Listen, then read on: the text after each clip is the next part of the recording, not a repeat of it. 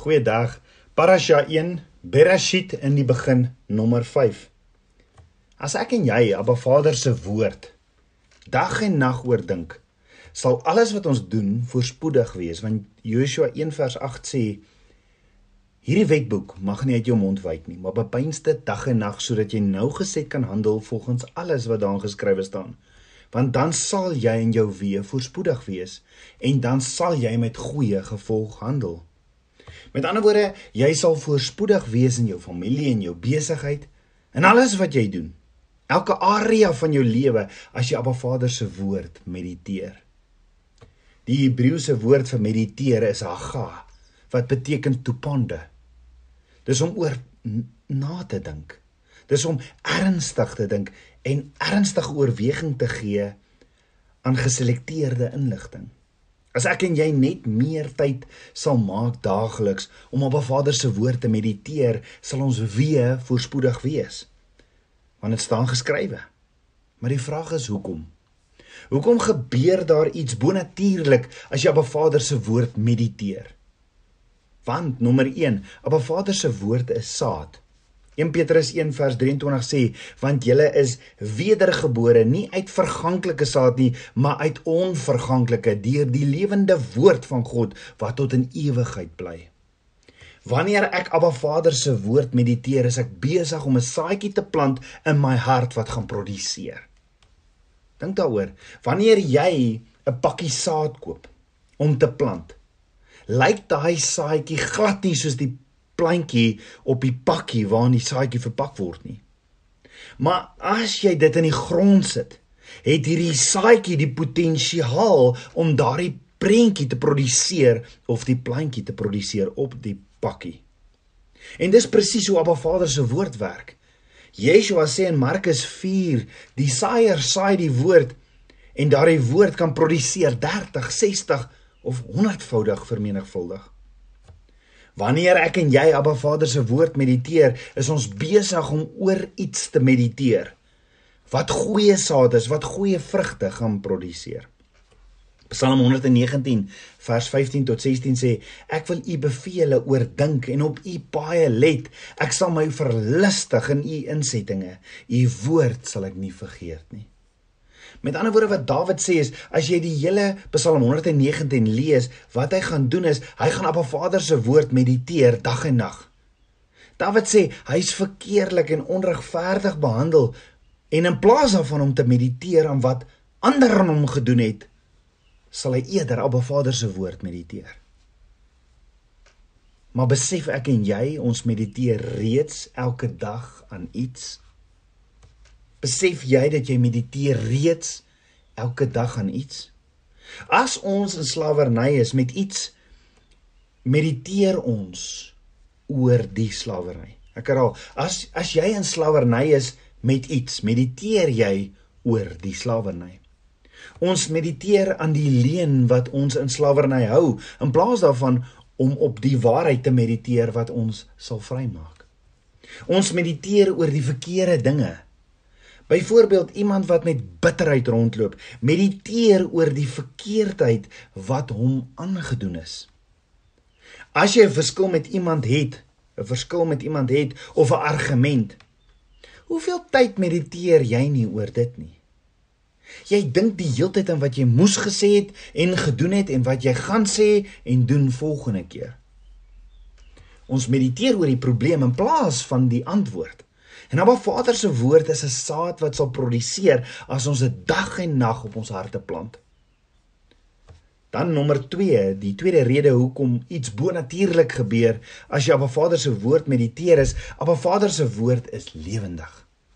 Hebreërs 4 vers 12 sê want die woord van God is lewend en kragtig en skerper as enige tweesnyende swaard en dring deur tot die skeiding van siel en gees en van gewrigte en murg en is beoorde is beoordelaar van die oorlegging en gedagtes van die hart. So Abba Vader se woord is lewendig. Soos ek dit mediteer kom lewe uit my geborrel. Dit onderskei tussen denke en oorlegging. Abba Vader se woord leer my sy wil ken en leer my sy wil doen. So het jy al gevoel mense kyk neer op jou of mense respekteer jou nie? Maar Vader se woord sê in 1 Timoteus 4 vers 12, laat niemand jou jonkheid verag nie, maar wees 'n voorbeeld vir die gelowige in woord, in wandel, in liefde, in gees, in geloof, in reinheid.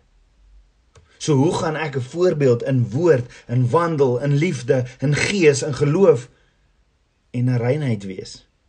Paulus sê Timoteus, hy sê vir Timoteus in 1 Timoteus 4 vers 13, totdat ek kom, moet jy aanhou met voorlesing, vermaaning en lering.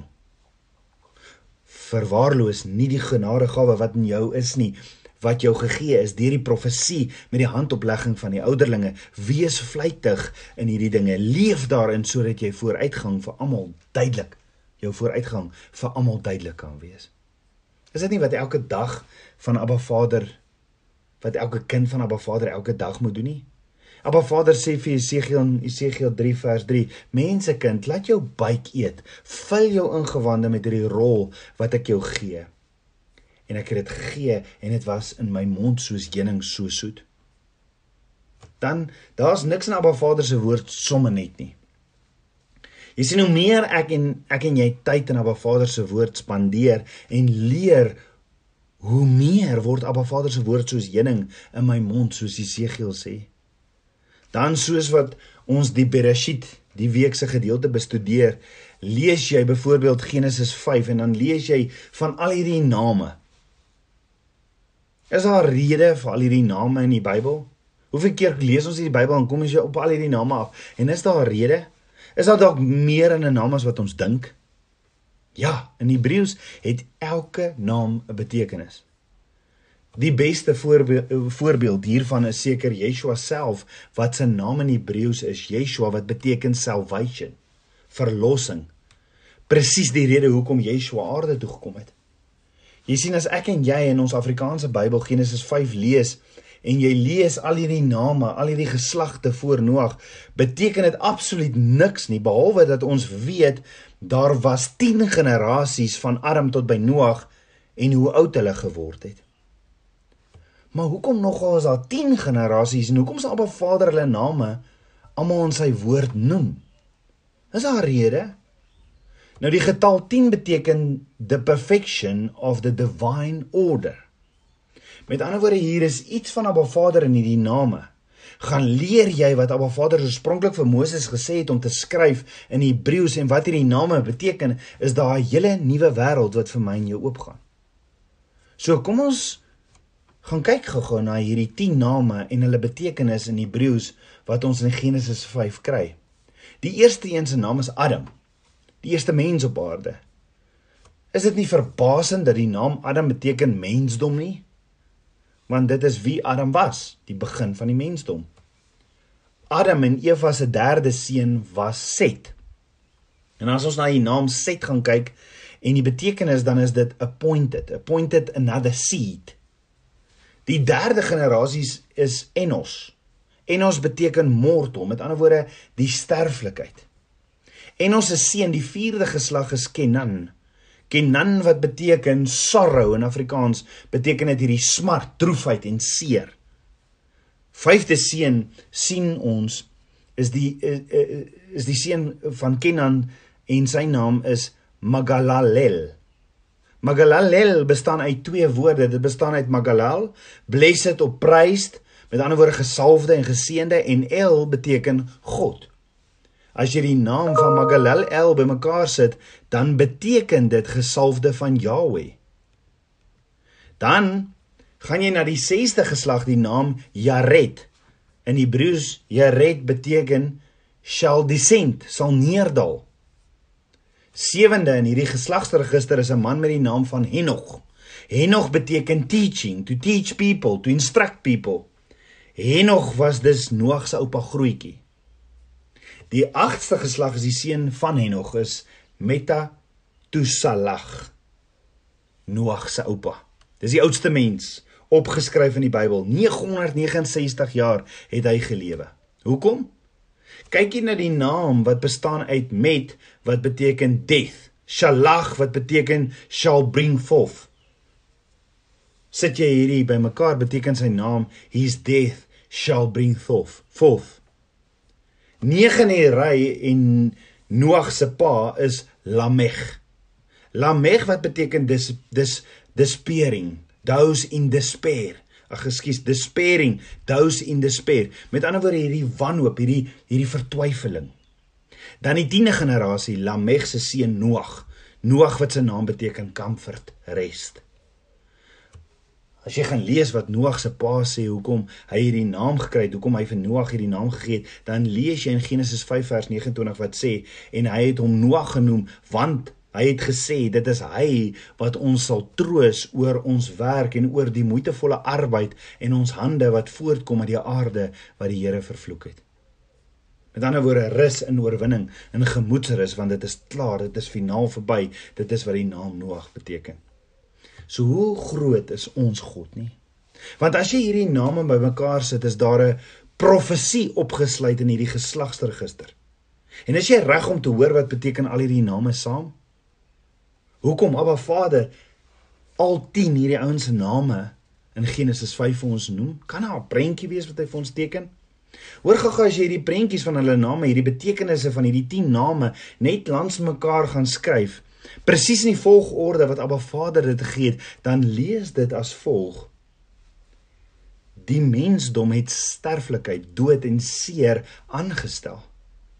Maar die geseënde of gesalfde van Jahweh van Abba Vader sal neerdal en die mense leer en onderrig dat sy dood vir die wat in wanhoop en vertwyfeling is, rus sal gee.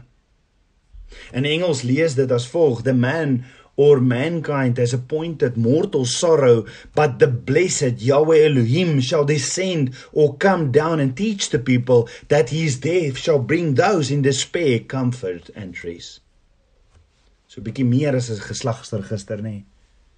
Kan jy sien hoe ons baie keer net verby dele van Abba Vader se woord lees en dan as ons dit gaan ondersoek, dan word hierdie oopgebreek en dan vra ons Abba Vader, Hoe groot is U? Hoe groot is U, Vader? Hoe amazing is U woord? Kom leer ons. Kom ons bid saam. Aba Vader, skieper van my hart. Vader, ek loof en ek prys U. Dankie, dankie vir U hele woord. Dankie dat U my so liefhet. Dat U eniggebore seun gestuur het sodat ek dat ek die ewige ewigheid kan ontvang. Vader, kom leer my meer en meer van u woord. Leer my u karakter. Ek bid dit alles in Yeshua Messie se naam, die seun van Jahweh. Shalom.